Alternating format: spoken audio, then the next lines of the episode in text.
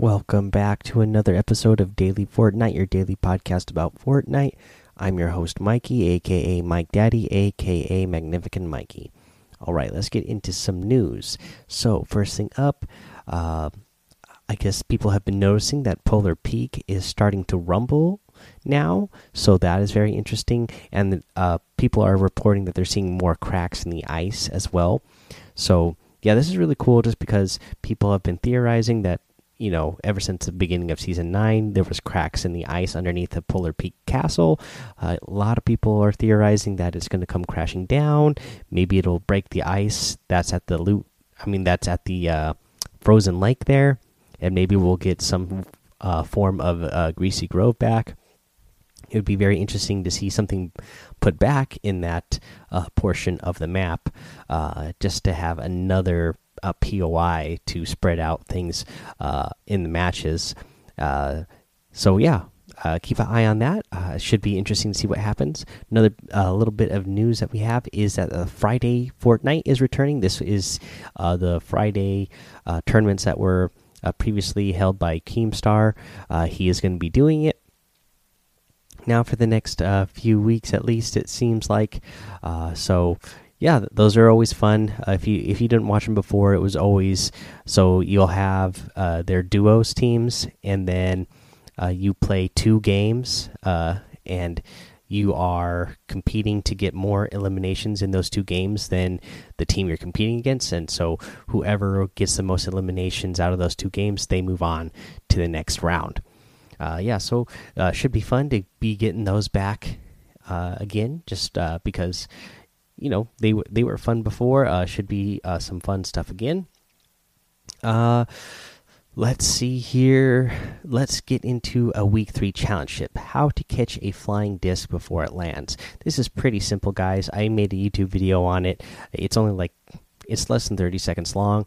You know, I didn't want to be uh, one of those people who's like, oh, watch how to get this challenge done and then make a 10 minute YouTube video for you to just finally see how to do it at the end.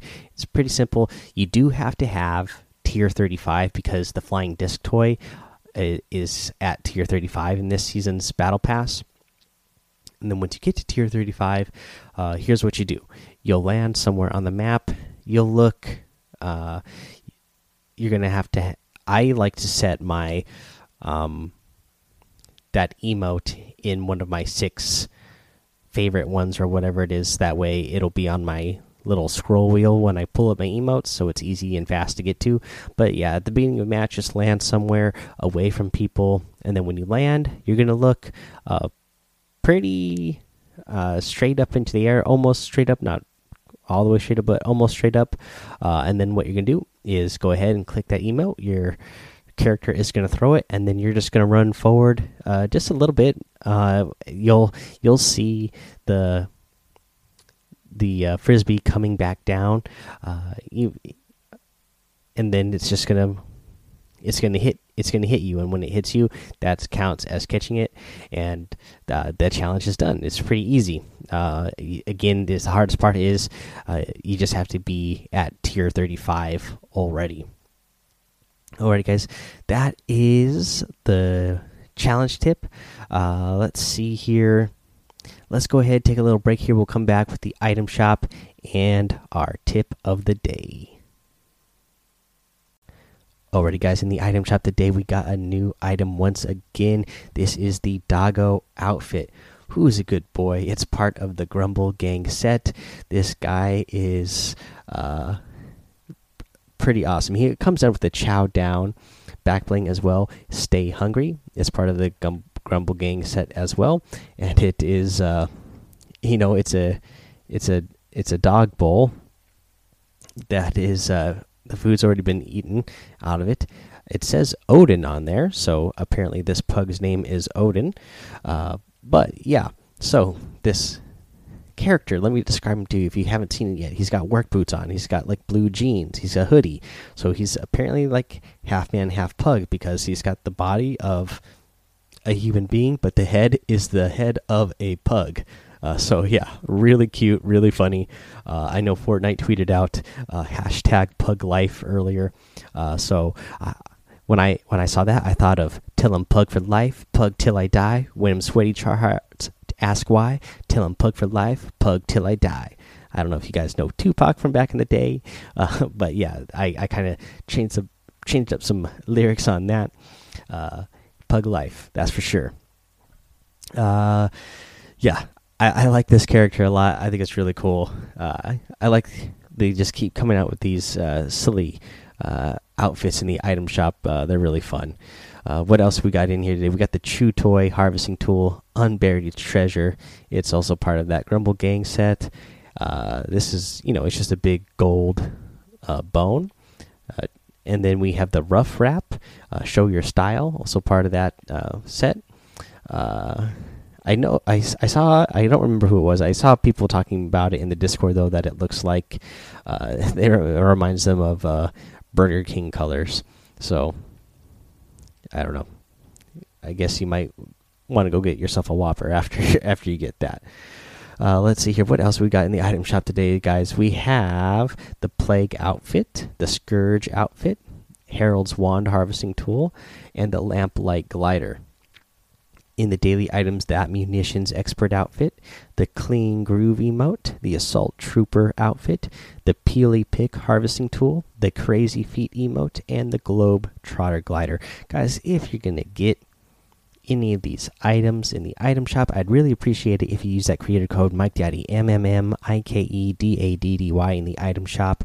Don't forget if you are supporting creator, it does uh, automatically uh, clear after 14 days. So uh, make sure you're always checking to uh, support a creator uh, before you buy an item, just in case your creator's uh, supported section has uh, cleared itself.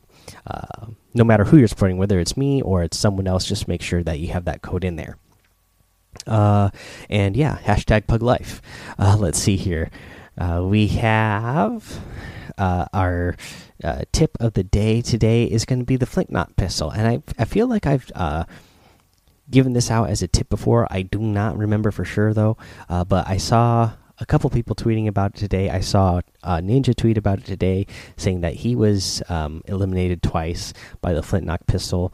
Uh, I saw a couple other people tweeting about it, and it's something I've actually been using lately, uh, especially early in the match when uh, people don't have shields on, and then even early in a match when people may only have 50 shield on.